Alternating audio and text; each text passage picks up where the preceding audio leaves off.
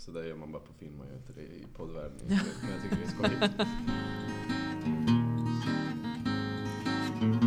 I found my love by the gasworks croft. Hej och välkommen till Radio åt alla, poddserien Välkommen till Malmö. Eh, vi som gör den här podden är Allt åt alla Malmö och idag sitter jag, Valeria, här tillsammans med Fredrik, Erik och David. Idag så tänkte vi prata om lite nyheter som har släppts i veckan om, som kanske främst rör utvecklingen kring, kring bostäder i Malmö.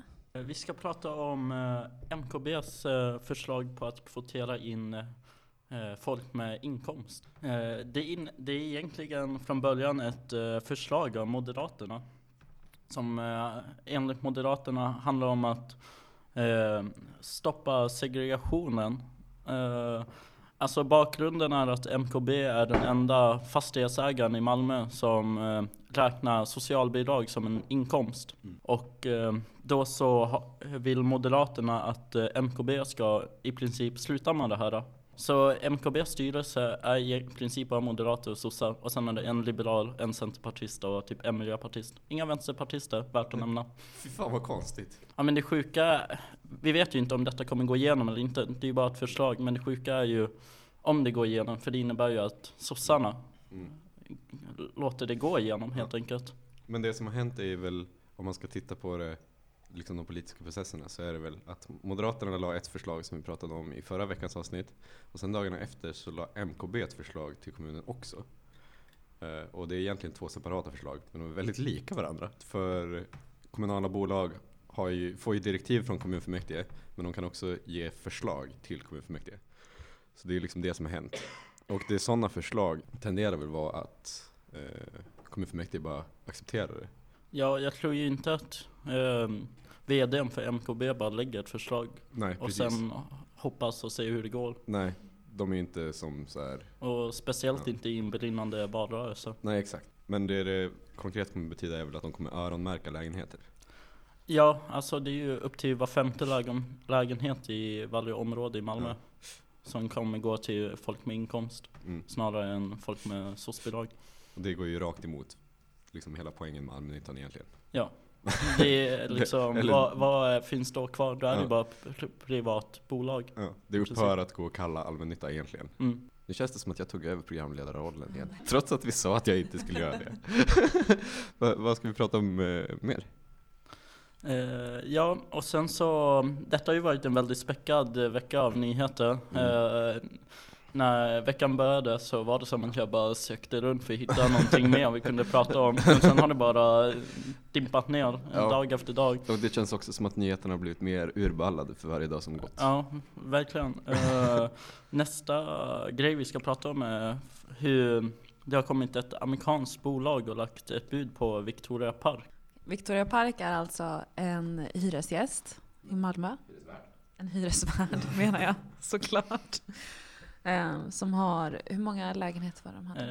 Eh, 13 500 lägenheter. Yes. Eh, och då är det ett, ett amerikanskt em, investmentbolag som heter Starwood Capital Group.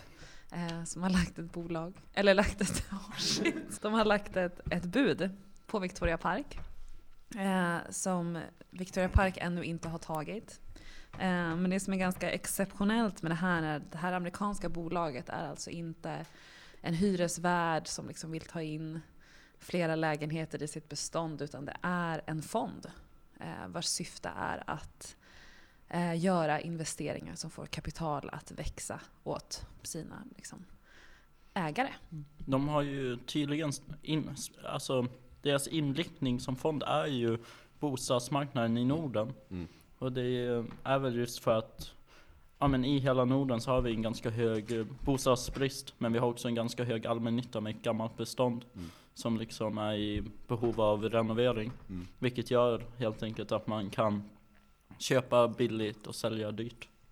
Jag ser lite fram emot det här på så sätt att det kommer föra in lite mer cowboy i Malmös bostadsmarknad. Liksom. Eller det kommer ju vara hemskt, men det, det är ändå lite spice. För mm, amerikanska bolag är ju svin inom bostadsbranschen. Alltså de är verkligen riktigt onda. Om man, sen kanske det här kommer tyglas lite av svensk lagstiftning, men det här kan potentiellt verkligen föra oss in i en ny era av sviniga fastighetsägare. En vilda västern-era. Ja, precis. Eh, återgång till 1900-talet, liksom, tidigt 1900-tal.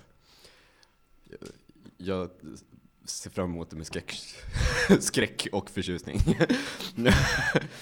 eh, Victoria Park är också roliga, för det är de som äger den här gated community va? Mm. i eh, Limhamn. Ja. Eh, och det var väl där de började. Mm. För de är ett av de här konstiga bolagen i Malmö som har växt explosionsartat. Liksom. Mm. Men det var väl att de en dag bara insåg vad man kunde Mm. göra för, för chans på liksom ha hyresrätter. Ja. Det är ju extremt dålig lagstiftning kring hyressättningen. Mm. Så man kan ju ta verkligen Mm. ja, men så här förfallna lägenheter och sen hyra ut dem skitdyrt. För Mm. det finns ingenting som stoppar. Men, men det är ett av den här stans Wonderchild. Liksom. Mm. Malmö stad älskar dem också. Det är ju Trianon, Heimstaden, eh, Stena. Stena, Victoria Park är alla sådana. Mm. Wow, de är så fina och duktiga Mm. för de har växt så mycket så snabbt. Mm. Men det finns ju Men det finns ju en del eh, oklarheter också. Dels kring om det här budet faktiskt kommer bli av. Mm. Eh, då Victorias Park egna styrelse har uppmanat aktieägarna att inte sälja till det nuvarande budet. Mm. Eh, men sen också att själva Ja men det finns också oklarheter vad som kommer hända med till exempel Culture Caspa. Mm, just det. För det är ju ett samägt Mm. bolag med MKB, Stena, Trianon och Victoria Park kanske? Ja, om inte Balder är med där i något hörn, jag minns inte. Ja. Men eh, Victoria Park äger ju 7% Ja. av det här. Och liksom, vad händer om de hamnar Mm, i en amerikansk fond? mm.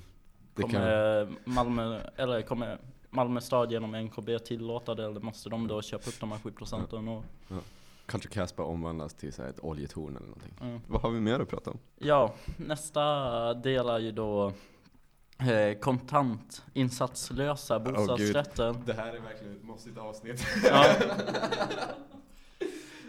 ja, det är supermossigt. Men det, men det är väldigt intressant för det är liksom en massa små delar som Ja. händer överallt i Malmö. Ja. Och eh, mest i Rosengård. Ja, verkligen.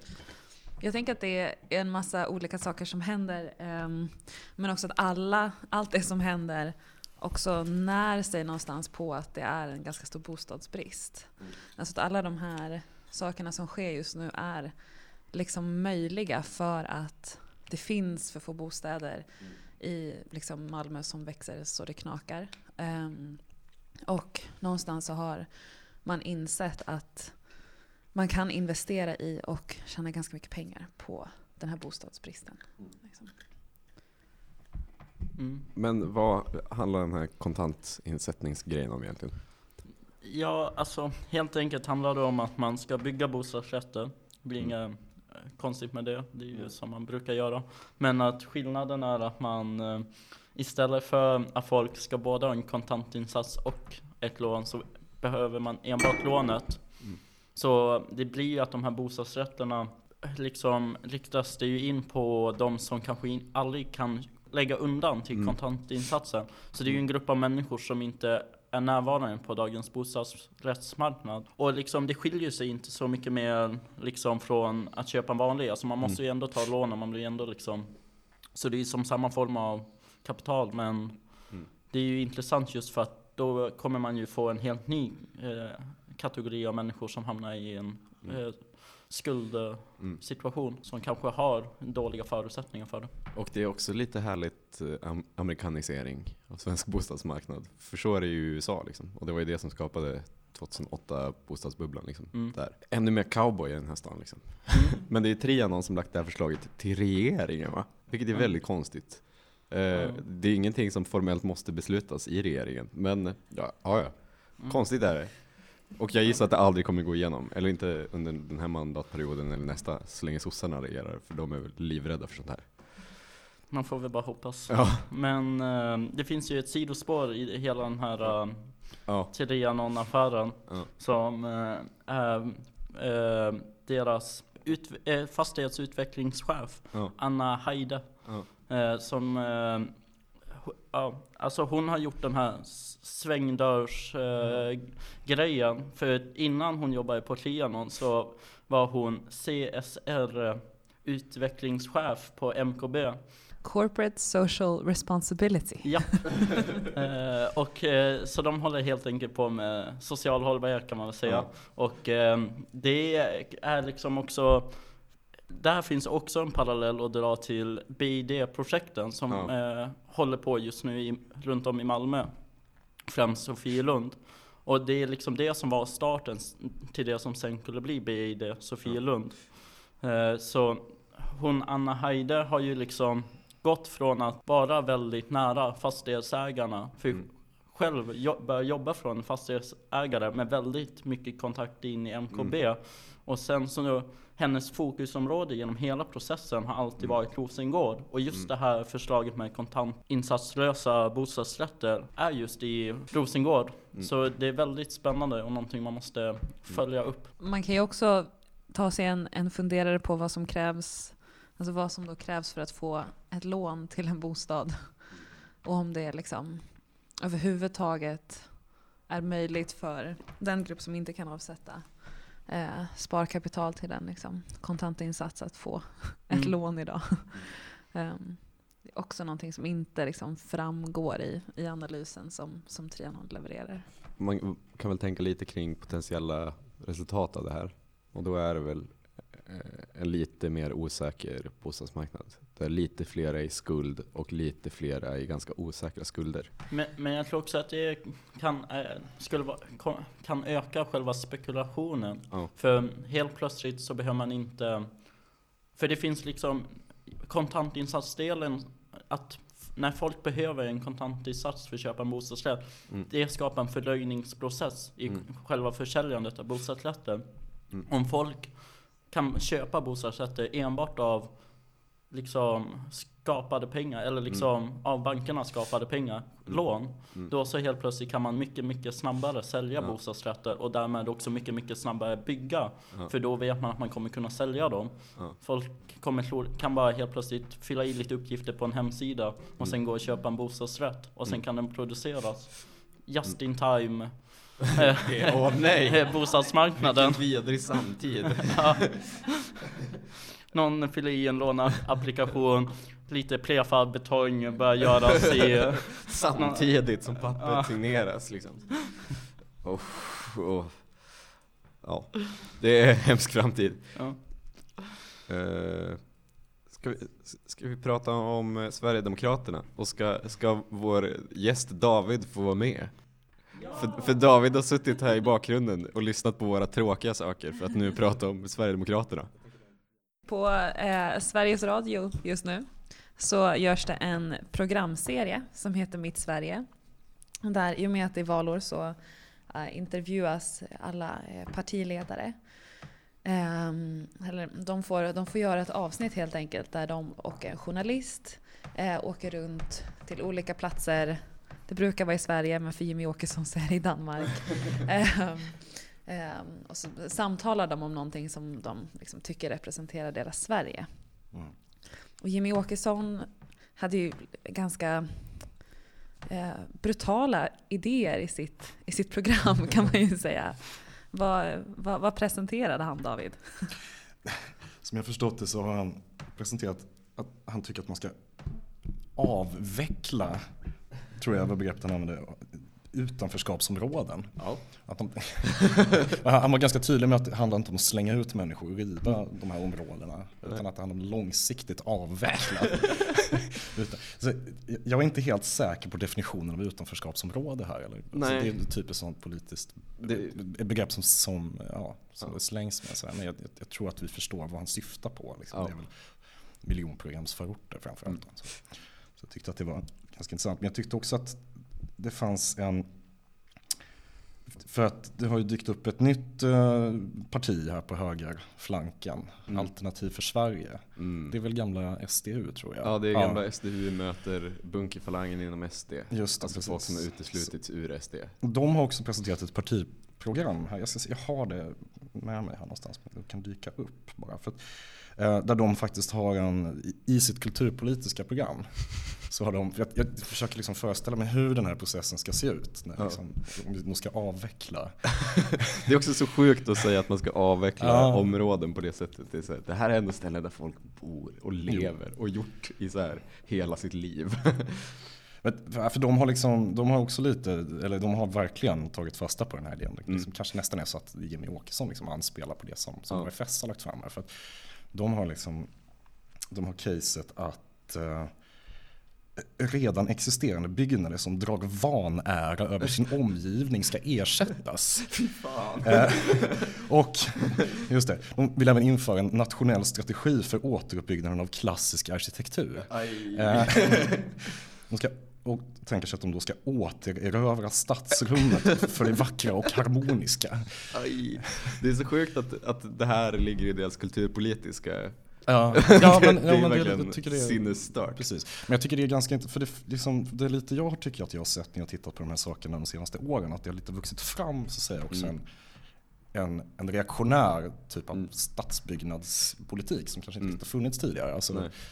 det som, det kanske fanns liksom en Jimby, Ja. liberal liksom så att säga, åsiktsyttring i hur man ska bygga och vilken typ av stadsbyggnadspolitik man ska driva. Men, men det har lite kommit den här alltså, reaktionära, konservativa, fascistoida Mm. också. Alltså man, man, man menar då och det är väl det jag tycker är intressant med att, att man, vill, man vill avveckla. Det går inte att säga utan att tycka att det är lite kul. nej, precis, nej, men det är för absurt. Det är för absurt. och Det är, ja men verkligen. Och det är också så här, men jag tänker att det handlar mycket om Ja, det finns liksom lite ett konspiratoriskt tänkande här. Så det, Mm. det är lite det här med att, att modernismen, Mm. det är någonting liksom som, som är traditionsfientligt. Ja. Så här. Alltså just den fascist, fascistiska tankebilden är väldigt Mm. liksom, påtaglig i det där. Så jag tycker det är en, en väldigt eh, intressant utveckling. Oroväckande såklart. Men, men, Men en framtid vi kan se framför oss är ju att Seved, Lindängen, Rosengård, Hermodsdal, Nydala bara rivs ner och ersätts av röda hus med vita knutar. Mm. Det är en obehaglig tanke. Ja, det är väldigt, väldigt märkligt. Eh, ja, Ja. Du sa, när vi satt och, och förberedde lite här innan David så, eh, så sa du ju också att det är ju ganska, rätta mig nu om jag tolkade dig fel, men som jag uppfattade dig då så sa du att det är intressant också att man vill riva och jämna med marken de områdena som byggdes för att för att göra just det, Ja, precis, med det som ja. kom före Ja, dem. det är väldigt, man hänvisar väldigt mycket och det är också alltid, alltid klara kvarteren i Stockholm. Det är liksom Mm. den givna referenspunkten. Man liksom sanerade och så byggde man nytt då efter Mm. kriget. Alltså, ehm, Lugnet i Malmö exempelvis. Ja, det är ju, jag är ju inte härifrån så jag har inte jättebra koll på Malmö. Men, men det, det finns ju, alltså det finns ju, och liksom hela den så här, och det är en så absurd tanke att, att de saneringarna, de var, de var, de var dåliga. Men så ska man göra saneringar av det man byggde för att ersätta det man sanerade. Eh, eh, Det är så, så jag tycker också att det, det här är också så hysteriskt eh, bisarrt att AFS så att säga, referenspunkt liksom, i den här förslaget på, på en stadsbyggnadspolitik, det, det är Dresden i Tyskland. det, är liksom, det är det de har som exempel på, på en lyckad, på en lyckad, på en lyckad liksom återvändande till det klassiska formspråket. Jag tycker det, jag tycker det är otroligt osmakligt att jämföra faktiskt. Ja, för, för, vi, vi måste förklara varför vi skrattar. Det är ju för att Dresden jämnades med marken Ja. under andra världskriget. Ja. Alltså fullständigt. Mm. Eh, Så, ja. Jag tycker det är kul att det är Dresden för det ligger i Tyskland och det var de allierade som bombade Dresden. Men det fanns Ja. ju även städer som tyskarna förstörde, till exempel Ja. Warszawa. Man också, men Ja. Det finns ju en preferens för historierevisionism inom Ja. det här. Liksom. ja de är ju fascister liksom. De är fascister helt enkelt. Så att, Det är bara att ja, acceptera. Eh, Men ja, ja, ja, ja, jag kanske jag bara babblar om det här. Så. Babbla, babbla, Men, ja, nej, men jag tycker att, jag tänker att just, jag tycker faktiskt, alltså det här liksom, det, det, det är lite, vi sitter ju och flabbar lite åt det här så för att för det, det framstår ju som så absurt. Men det finns liksom också ganska stort, jag skulle inte säga att det finns ett folkligt stöd eller en folklig förankring, men det finns ju ändå en opinion. Så. Och jag tror att det handlar liksom om att eh, kanske alltså höger rörelser, alltså reaktionära rörelser också börjar liksom ta sig in i den här, alltså det, den här stats alltså urban politik, stadsbyggnadsfrågor har väl varit någonting som kanske vänstern i opposition mot någon typ av kapital och kommun och nyliberalism. Så, men det börjar liksom komma in en höger. Men det är- Miljön börjar ja. komma in i de här frågorna nu också på ett helt annat sätt än vad de gjort tidigare. Det enda Sverigedemokraterna i Malmö tycker och tänker i frågan är ju att det alltid ska gå att köra bil överallt. Mm. Eh, vilket inte stämmer så väl överens med den, den här klassiska svenska arkitekturen. Nej, Jag tänker att det ska bara vara häst och vagn i framtidens Malmö. Mm. Ja, och vi kan ju hoppa då raskt vidare till nästa ämne. Helt naturligt. Ja. eh, vilket är ju då eh, vad vi har skrivit ner här som tacoskandalen. det är inte så mycket en skandal som bara, ja, lite sådär rolig eh, nyhet att avsluta med. Eh, för i tidigare i veckan så eh, dök det upp en eh, artikel i Sydsvenskan där det var liksom en intervju med en en krogägare som ska öppna ett nytt ställe på Möllan. Eh, närmare bestämt i korsningen Simrishamnsgatan, Falkenbergsgatan. Eh, och eh, eh, ja, tidigare så har lokalen som de nu kommer använda till en taqueria. Eh, Det är inte ett ord. men det är ett namn på eh, deras taco-franchise. Ställe. Det är väl ett ord? Det är absolut ett ord. Jag vägrar erkänna att taqueria är ett ord. Ja, ja. Det är 100% ett ord. Ja, ja, vi får väl se när Ja. dyker upp i Svenska Akademins ordlista. Men eh, ja, eh, då i alla fall, den här lokalen användes tidigare för en liten närlivs. En klassisk Ma- Möllan närlivs helt enkelt. Lite, eh, jag vet inte, inte jättebra utbud av saker. Gammal mjölk. Ja, och bara lite random. Så här, äh, jag vaknar upp en söndag morgon, har ingenting i min kyl. Jag måste gå och köpa typ bröd, ost, smör. Kanske någon eh, vit fralla grej. Ja. Och i alla fall, så det, i den här artikeln Alltså det är ju Sydsvenskan och då så blir de ju Det blir ju någon sån här äh, Ja men matnyhet och det ska liksom hypas lite. Det är massa recensioner och jada jada. Men det intressanta med det här är då att Ett citat från eh, krögaren som är att eh, Ja men det ska vara autentiskt Det autentiska mexikanska köket eh, Som de ska erbjuda Men sen också att de ska ta korrekta priser Eh, Men de nämner inte vad, om det är billigt eller dyrt eller vad det är liksom för pris. De bara säger att det är korrekta. Och det intressanta här är ju dels att det här närlivset eh, har, hade ju, och som många andra närlivs på Möllan, en lite av en invandrarstämpel. Eh, men det autentiska mexikanska köket, taquerian, är ju i sydsvenskan ögon mycket ett hypat svennehak. eh, och sen att de också ska ta korrekta priser blir ju liksom från krögans sida att indirekt säga att vi kommer inte eh, ha liksom ja, men, svartpriser eller vad man kan kalla det. Nej. Helt enkelt, vi kommer betala vitt. Eh, och eh, det är Ja men det är väldigt intressant att de kan liksom marknadsföra sig i liksom motsättning mot eh, liksom synen på Möllan. Att de ska liksom ordna upp. Men liksom det finns ju ingen, även liksom om de skulle bet- ja, men betala liksom skatt och sånt. Man vet ju inte liksom vad kommer de ens betala ut för löner till deras anställda. Det kan ju fortfarande vara väldigt dåliga arbetsvillkor. Ja, Men eh, jag tänker att vi alla kommer överens om att korrekta priser kommer eh, vi själva bestämma genom självreducering. Som italienska autonoma gjorde på 70-talet. Att vi bara går dit och stjäl tacos. ja. Komma in maskerade. Trycker en Ja. taco rakt genom masken. Ja, springer därifrån. Jag vet inte. Men det är också intressant för borta vid eh, Ica på Södra Förstadsgatan, alltså mellan liksom Bergsgatan och Södra Förstadsgatan. Där finns också eh, några restauranger. Mm. Och där förra sommaren, hösten, Mm. ja, någonstans där, så öppnade två restauranger Mm. längs med den sträckan. Det var en Vedungs pizzeria och ett sushiställe. Mm. Sydsvenskan inter intervjuade sushistället. De pratade aldrig med Vedungs pizzerian.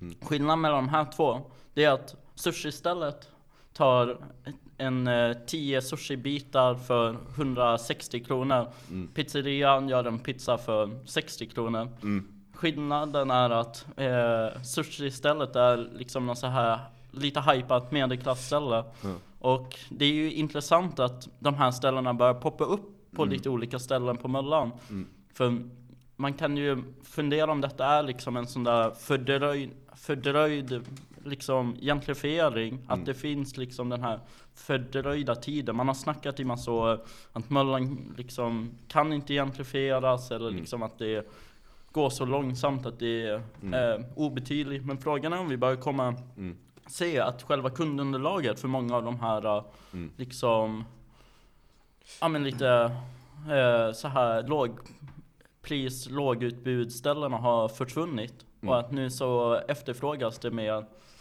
fashionabel Mm.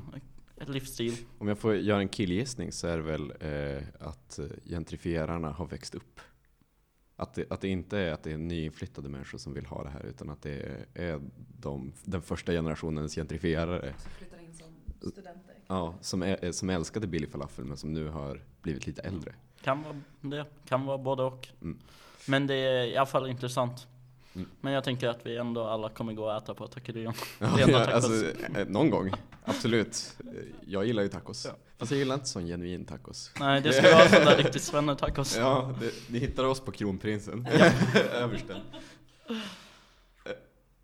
Och med det sagt så ska vi säga hej då. Dirty old town. Dirty old town.